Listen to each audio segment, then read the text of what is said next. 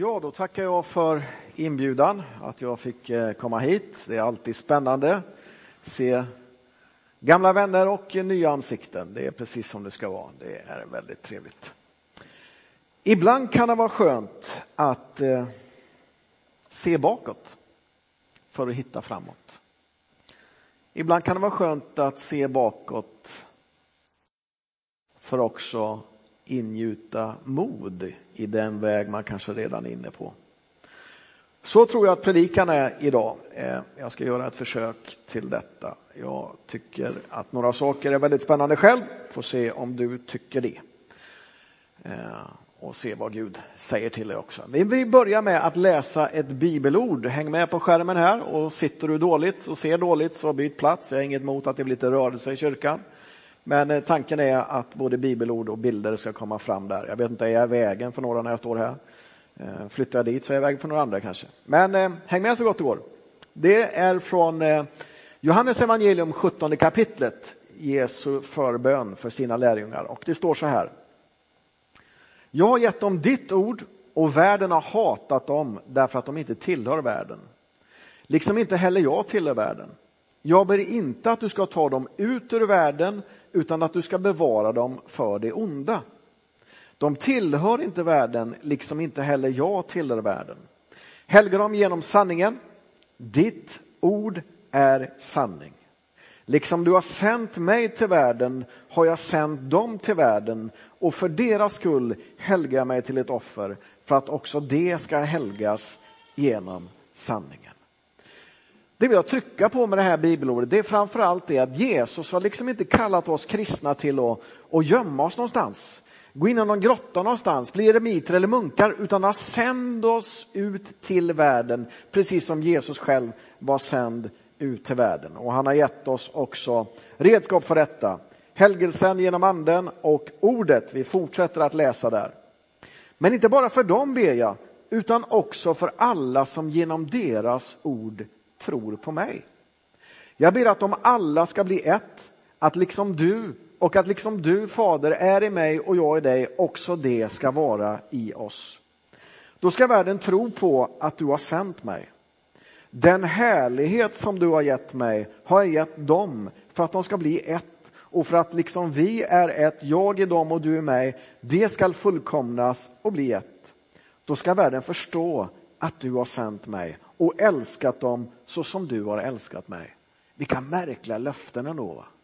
Här säger Jesus, när vi är ett, när vi är ett i anden, när vi visar varandra kärlek och omsorg, då ska världen tro på att Fadern har sänt sin son Jesus Kristus. Ganska märkliga löften och viktiga. Själv har jag varit pastor i 24 år eh, och de som känner mig så gammalt vet om det. Eh, och eh, under de här åren så har jag träffat på många trevliga företagare. Det här präglar lite predikan idag också. Och sen tre år tillbaka så är jag säljare i belysningsbranschen, det vill säga jag sprider ljuset fortfarande och jag predikar lite ibland då och då också i olika kyrkor. Och mina funderingar har varit länge, under kanske hela min tid, finns det paralleller mellan företag och kyrka? Och hur ska kyrkan påverka det samhälle hon lever i? Ja, det är viktiga funderingar utifrån min synvinkel. Hur ska det som sker i kyrkan komma ut i din och min verklighet i vardagen? Det är viktiga frågor, känner jag för min del. Källor till den här predikan är bland annat en liten eh, kort resa med min son Natanael som sitter här till, eh, till Washington och New York. Det finns med lite grann i predikan. Och sen också ett program som gick på Kunskapskanalen. Har du hört talas om Kunskapskanalen? Där gick det en serie som hade som överskrift Is the West History? Är väst historia?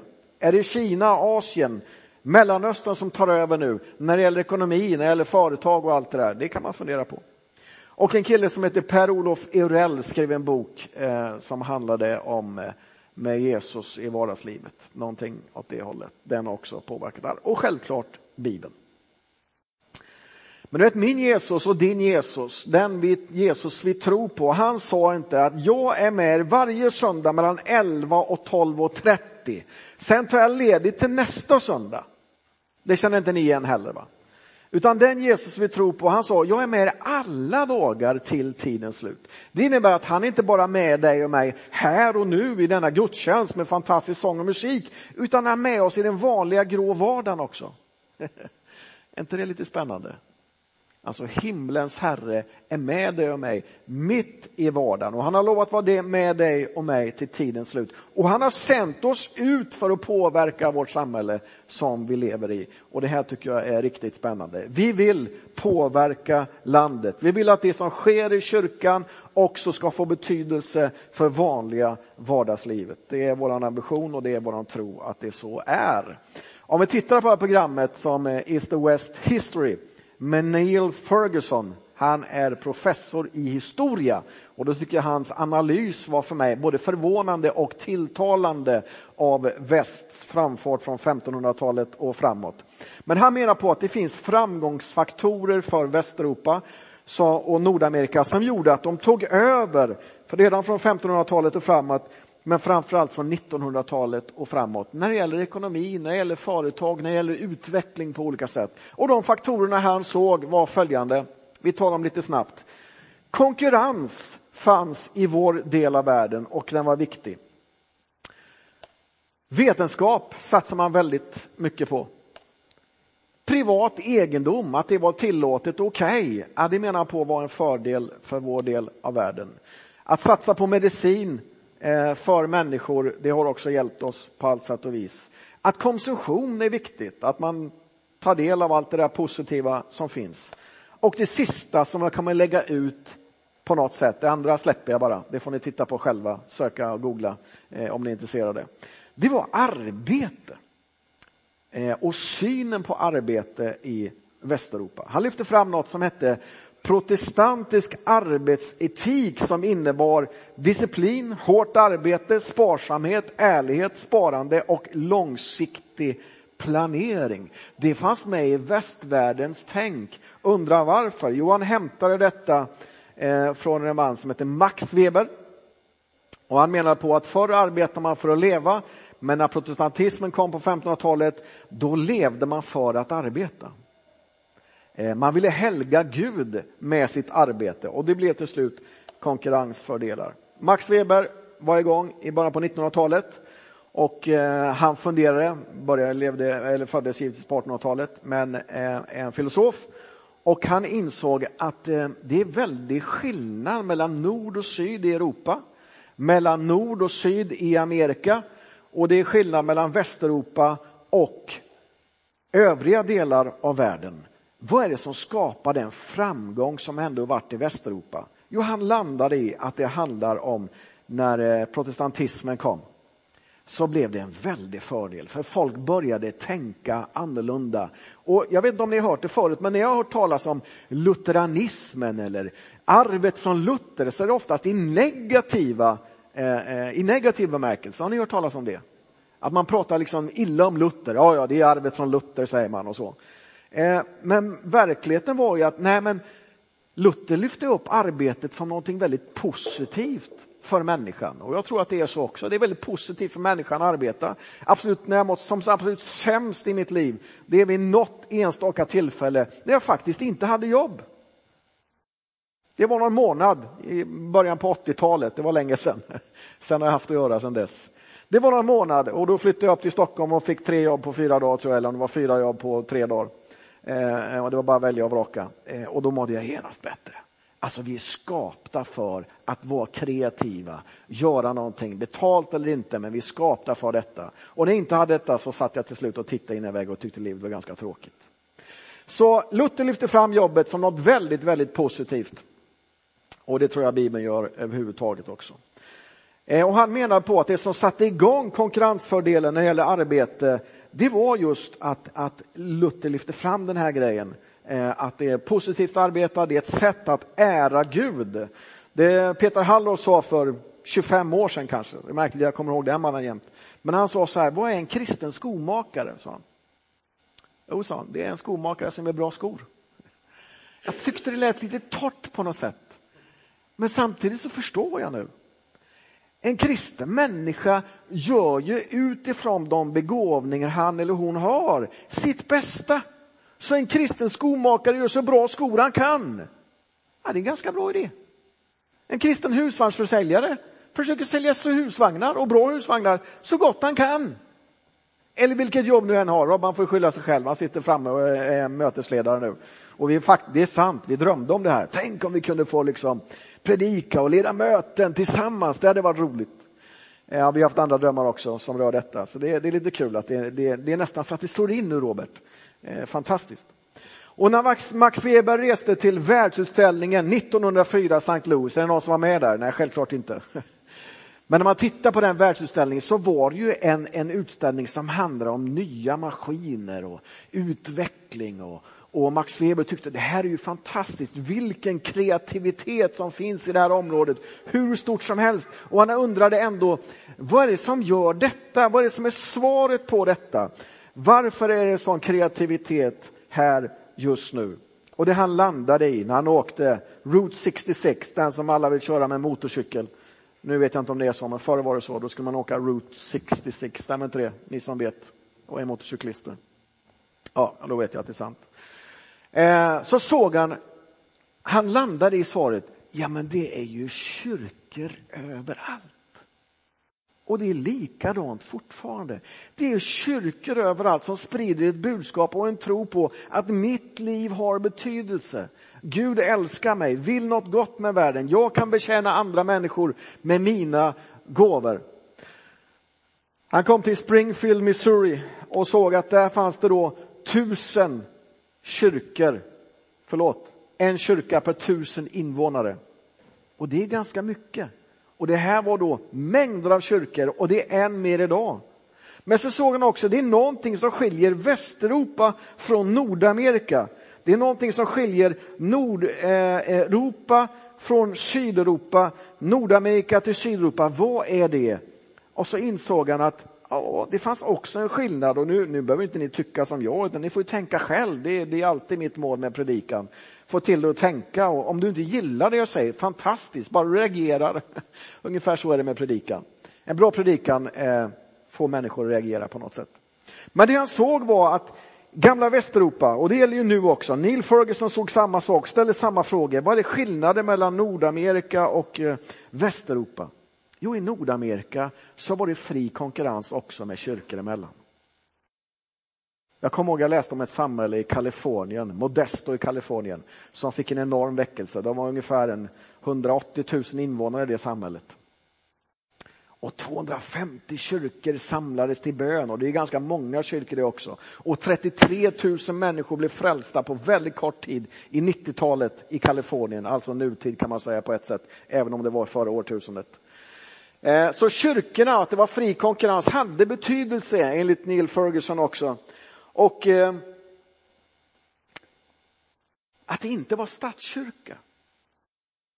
Att det inte var en katolsk stark kyrka eller luthersk stark kyrka som vi har haft också i Sverige och som vi har i stora delar av Europa.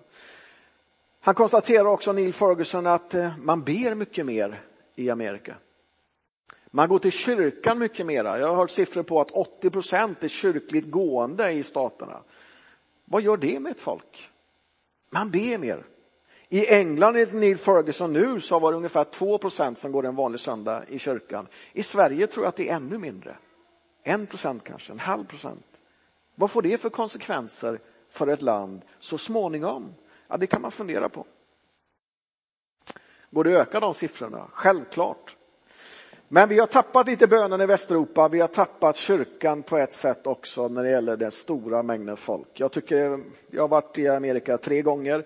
Eh, märkligt jag säger det, men, men det jag slås av när jag har varit där, det är att det är helt okej okay att be en bordsbön på en vanlig restaurang. Det visas ofta massa evangelister på tv, till och med på resan dit för något tillfälle så hade man härliga bibelstudier och när vi lyssnade på radion som familj, när vi var i Florida, ja då var det bibelstudier på radion om hur man skötte det vanliga livet och liksom, det fanns inkorporerat i hela samhället bygga en bild av drömamerika nu, jag vet inte. Men, men, det finns säkert några grejer som är bra i alla fall, eller vad tror ni? Man kan ta till sig det som är bra och så slänger man bort det som är mindre bra. Eh, och jag håller inte på med politik nu heller om ni tror det, det, det, det är inte det. Neil Ferguson slutar den här serien om arbete, eller hela serien med att vad är, vad är den största faran för Europa? För han vill ju liksom ha framgång för Europa på något sätt, eller han är mer historisk analytiker kan man säga. Vad är största faran? Jo, det är att vi tappar tron på det samhälle vi ärvde. Vi yngre, hur länge man säger man vi yngre? Ja, så länge det finns några som är äldre så säger man det. Men vi yngre måste kanske förvärva en tro på det samhälle vi fått. Och vilka goda värden det fanns där. Jag vet inte vad jag säger om det. Kan vi lära oss någonting av detta? Nästa bild. Eh, ja, det får du svara på själv. Jag tycker att det är ganska intressanta fakta för att hitta en väg framåt. Eh, sen när vi var i Amerika då, då kunde inte Natana låta bli att köpa en keps. En liten kontroversiell sak. Jag tycker den var lite rolig. Vad säger ni? Make America Great Again. Är det någon som känner igen det citatet? lite småroligt. Eh, men som sagt var, jag är inte ute efter någon politik. Eh, och säga vad man vill om Donald Trump. Eh, jag är väl ingen fan direkt, det är ganska märkliga uttalanden, men som sagt var, det är inte politik vi pratar om nu. Men säga vad man vill, han gör ingen oberörd i alla fall. Om man ska säga något diplomatiskt så är det väl det. Eh, och mer tänker jag nog inte säga om det. Mer än att det här Make America Great Again, gör Amerika stort igen. Eller gör Sverige stort och fantastiskt igen. Eller gör församlingen stor och fantastisk igen. Alltså det krävs något av en vision. Och jag tror att varenda, varenda politiker har väl en ambition att det ska bli bättre. Man ska göra något bra. Frågan är hur man når dit bara. Det är det som är den svåra frågan. Där ligger kruxet. Är Sveriges räddning politiker, något speciellt parti? Ja, det kan man fundera på. Det fanns en som eh, funderade över det. Vi ska komma till honom alldeles strax. Men poängen är fortfarande att gå från församling till samhälle, att gå från söndag till måndag och att det ska be, betyda någonting för varandra. Per-Olof Ferrell skrev en bok som heter Med Jesus i arbetslivet och det här tyckte jag var väldigt spännande. Har ni läst boken? Han fick ett tilltal en gång. Är det bra med tilltal? Ja, men några var med där. Det är väldigt bra med tilltal. När Gud säger någonting och man känner att det börjar liksom klappa lite på insidan. Ja, då kanske det är något viktigt på gång. Per-Olof fick ett tilltal en gång som eh, var skriv en debattartikel. Jag kommer ihåg Ivar Gustafsson och jag, vi pratade en gång i slutet av 90-talet att vi måste komma ut i vanlig press. Vi måste skriva någonting där. Vi kan inte bara hålla på med de här kristna dagstidningarna. Och egentligen så skulle ett tiotal pastorer bevaka dagspressen, dagspressen för att ge svaromål och komma in med input i vanlig press. Var det en bra idé? Var det en bra idé? Ja, men det är klart det var. Och det har väl eh, Ivar förverkligat tillsammans med andra genom Clapham-institutet tror jag och lite annat. Bra grejer påverka samhället så mycket det går i positiv riktning. Han skriver en artikel, Per-Olof Eurell, tillsammans med sin bror. Och han skriver ganska märkligt och han, han skickar det här till Dagens Industri. För vill man påverka landet i ekonomisk synvinkel så är det en bra tidning att komma in i. Han kommer på första sidan. Vet du vad överskriften på den här är? Jo, välståndet vilar på tio Guds bud. Det är ganska kontroversiellt skrivet, eller hur? Och vidare så skriver han lösningen, och jag tycker det gäller fortfarande, lösningen på Sveriges ekonomiska och sociala kris finns i den kristna tron. Ganska rakt på. Väckelsekristendom. Ser ni det där konstiga där? Nej, det var bra. Eh, det var visst banken som ville med något här. Eh, Väckelsekristendom påverkar ett samhälle positivt. Men det gör inte islam, hinduism, buddhism eller sekulär humanism på samma sätt. Skriver han i den här artikeln som kommer på första sidan. Nu slutar den att funka.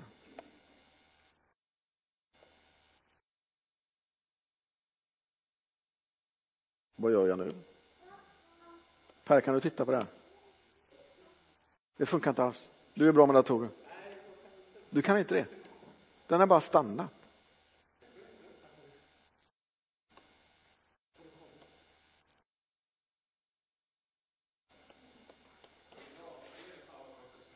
Va?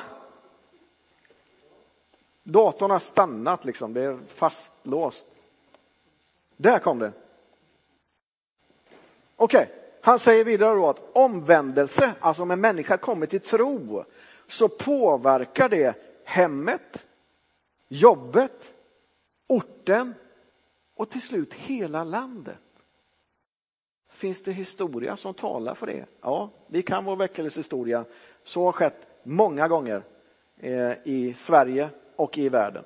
Han säger vidare att på 1800-talet, du kan gå vidare där, 1820-talet så drack varje svensk vuxen människa i genomsnitt 45 liter brännvin per person och år.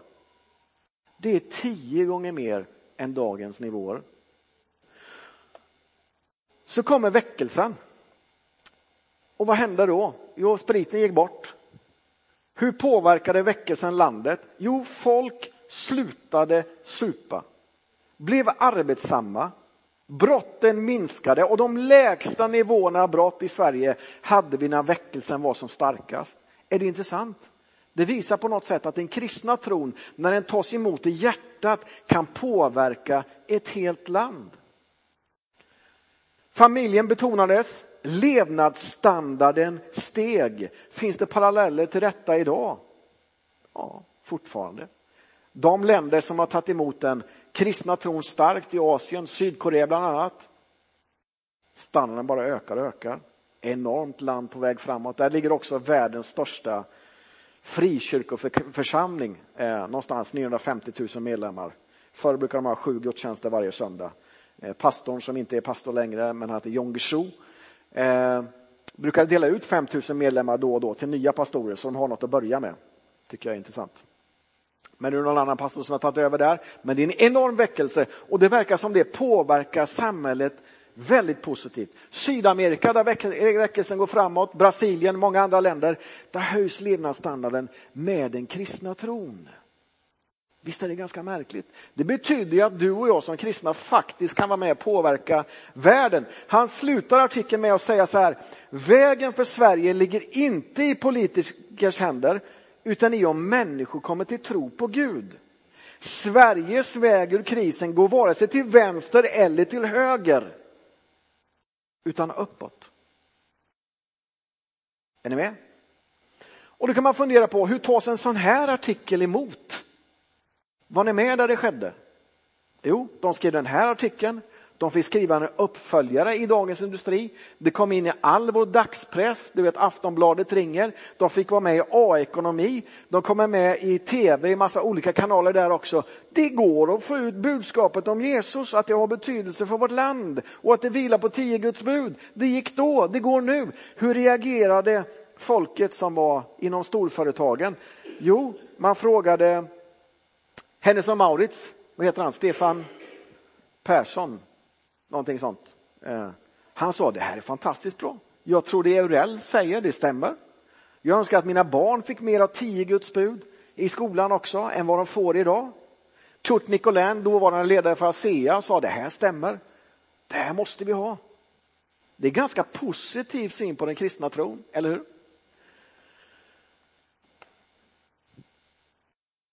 Sen gjorde han en sak till, Per-Olof Eurell. Han blev eh, chef för ett företag, han är inte där nu, han sysslar med något annat, men när det här skrevs då 97, 98 någonstans, så blev han eh, chef för Beckers, ett eh, färgföretag för 200 anställda och han tänkte det här är stort, hur ska jag göra detta? Och han bad mycket till Gud, han var ju profilerat kristen, liksom. det var inget han gömde undan med. Men jag tänkte, jag, jag måste göra något vettigt här. Så han frågade Gud, vad ska jag göra? Och det märkliga är att Gud sa till honom, nej men använd ordspråksboken som managementlitteratur och påverka företaget med det. Jaha. Du vet pastorer idag de senaste tio åren, de har vänt sig till managementlitteratur som inte har med kyrka att göra direkt och så har de slutat att be. Med bönemöten och sånt, eller kyrkan. Lite grann åt det hållet. Jag har ändå varit med ett tag så jag har sett den utvecklingen. Här var det tvärtom. Gå tillbaks till Bibeln. Låt det prägla företaget så ska du se att det blir ganska, ganska bra. Han gör så. Han börjar med att ta bort porren, du vet som kan finnas på industrier, ta bort massa människor nakna där och så vidare. och så vidare. Alltså det hör inte hemma här, det skapar fel kultur, det förgiftar människor. Så väck med porren. Han blev, inte, han blev inte poppis på en gång, men han blev det så småningom för att det funkade.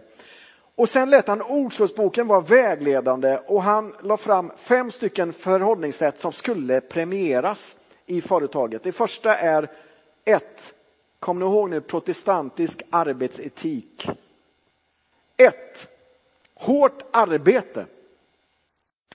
Och så undervisade han sina, sina eh, medarbetare där, eh, både de som var på golvet, sina chefer och han skrev i tidningen och på allt sätt så sa han hårt arbete, det ska prägla det här företaget framöver.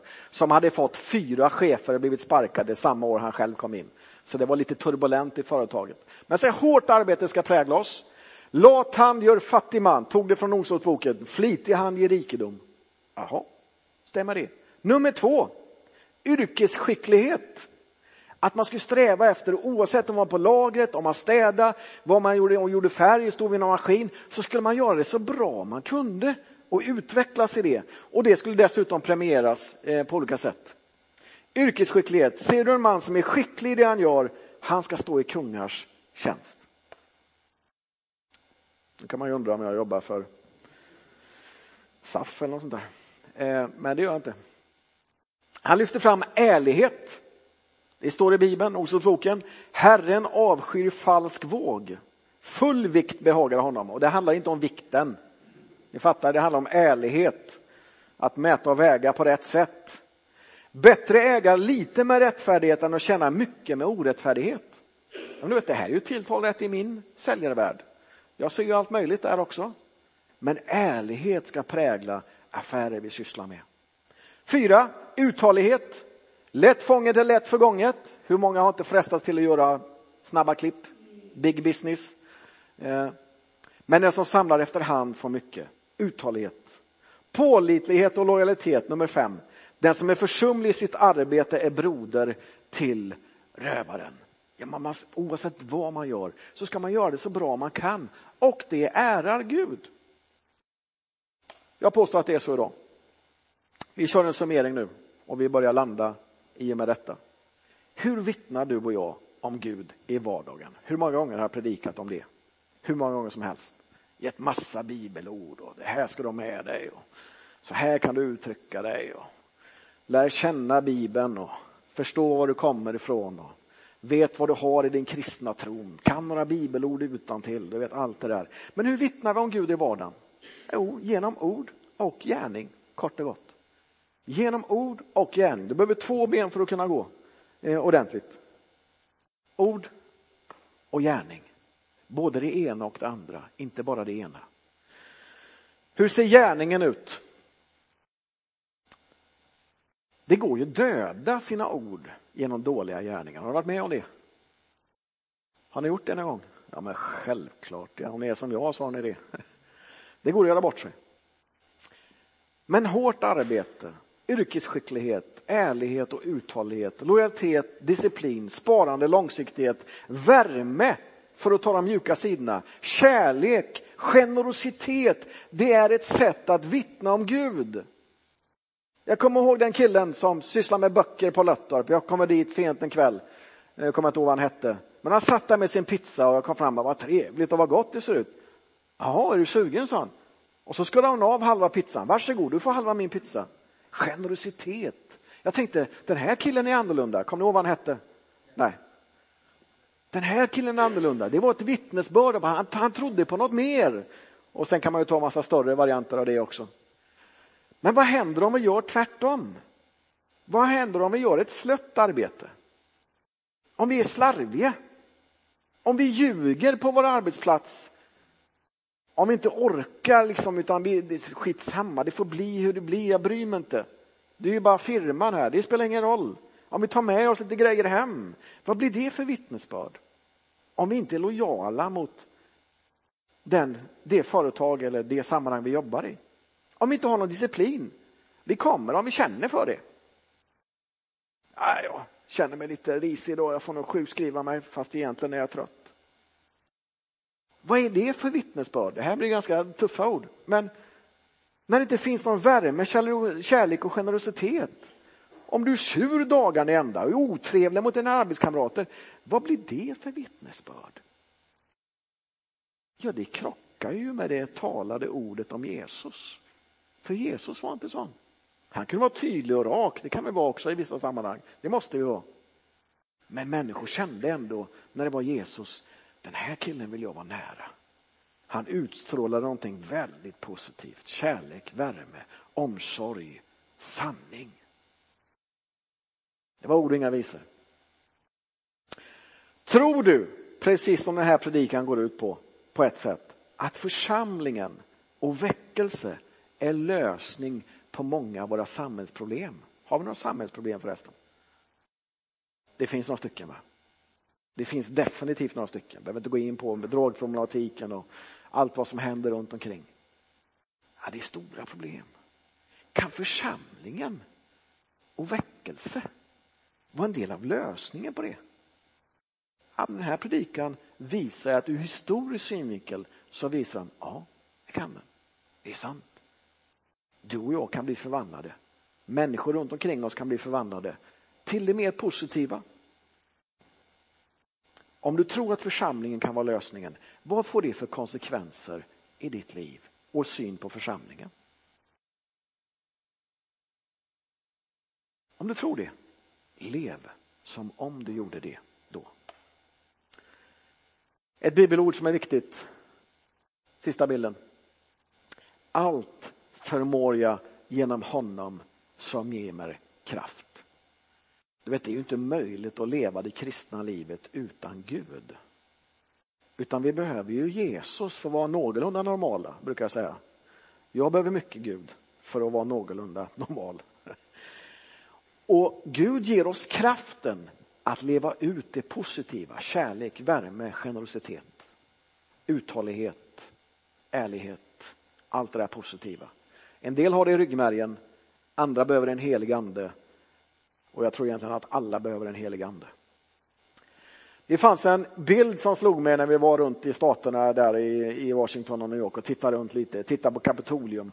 Då hade de en sak som var vägledande för hela USAs bildning, Nordamerikas bildning. Man satte ett latinskt ord som sa e pluribus unum betyder genom många en. Det betydde då att flera stater, 13 var de i början, 13 stater tillsammans verkar som en enhet. Men när jag ser det där så tänker inte jag på staterna i USA. Jag tänker på församlingen. Vi kommer från många håll, många delar av världen och genom en, Jesus Kristus, så är vi en. Vi är inte längre jude eller grek, afrikan eller sydamerikan eller svensk eller sam eller vad det nu kan vara, utan vi är en kristen lärjunge som tillhör varandra. Som behöver varandra. Som älskar varandra. Det här är en bild på församlingen och församlingens herre är Jesus Kristus. Och han har lovat att leda dig och mig i detta. Relationen med Jesus, det är det som ger kraft till det kristna livet. Där finns andens frukter. Där finns uthålligheten. Allt det där. Och församlingen, det är Jesus idé. Det är han som har grundat församlingen. Det är Guds idé. Vad får det för konsekvenser i ditt liv? Enligt bibelordet vi läste i början så är vi sända till världen av Jesus själv för att vara salt och ljus. Visa på det positiva, visa på ett himmelrike, både det som ligger framåt men också här och nu. Att få känna av Gud mitt i vardagen. Att faktiskt mitt i försäljningen, mitt i sjukvården, mitt på skolan få känna, här är också Gud. Och han har ett uppdrag. Han har något han vill säga till någon. Han vill ge värme till någon. Han vill ge kärlek och omsorg till någon. Han vill ge stabilitet till någon. Och allt det där kan du och jag få genom Jesus. Där vill jag sluta. Jag vill också sluta med att inbjuda till förbön. För dig precis som jag känner, jag behöver Gud mitt i min vardag. Jag behöver Gud för affärerna. Jag behöver Gud för omsorgen till varann mitt i vardagen. Jag behöver Gud för att betyda någonting positivt för andra människor runt omkring, mitt i min skola, mitt i mitt arbete, oavsett vad det är för någonting. Det vill jag inbjuda till idag. Det här handlar om det vardagliga livet. Vill du ha förbön för det idag? Så är du välkommen fram. Jag tror det finns, är ni förberedda? Nej, ni är sångare. Finns det förberedare idag? En förberedare har vi. Var brukar du vara någonstans? Där. Jag kommer gå dit också för att be för dig och jag kommer be en allmän bön nu tillsammans med dig. Far i himlen, jag tackar dig för att vi får tro på dig. Och Herre, du har skickat oss till ett heligt uppdrag. Här har du gett oss en vision.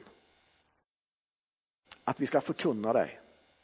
Att ditt rike ska bli större, bättre, fantastiskt och att det ska drabba fler människor. Tack för alla positiva konsekvenser det kommer att ge. Herre, jag prisar dig för det och vi ber om att du ska vara med oss varje dag. Vi vet att det är så, men vi inbjuder dig till att ta del i vårt liv, i vårt sammanhang. Fyll oss med allt det vi behöver av ödmjukhet, respekt för människor, insikter, ibland rakhet och tydlighet, ibland bara generositet och barmhärtighet. Herre, vi ber om det vi behöver för att kunna visa på dig och vara goda människor. Att kunna vara en del i samhället, en del i världen och påverka vårt land, påverka vårt samhälle i positiv riktning. Herre, vi ber om det. I Jesu namn. Amen.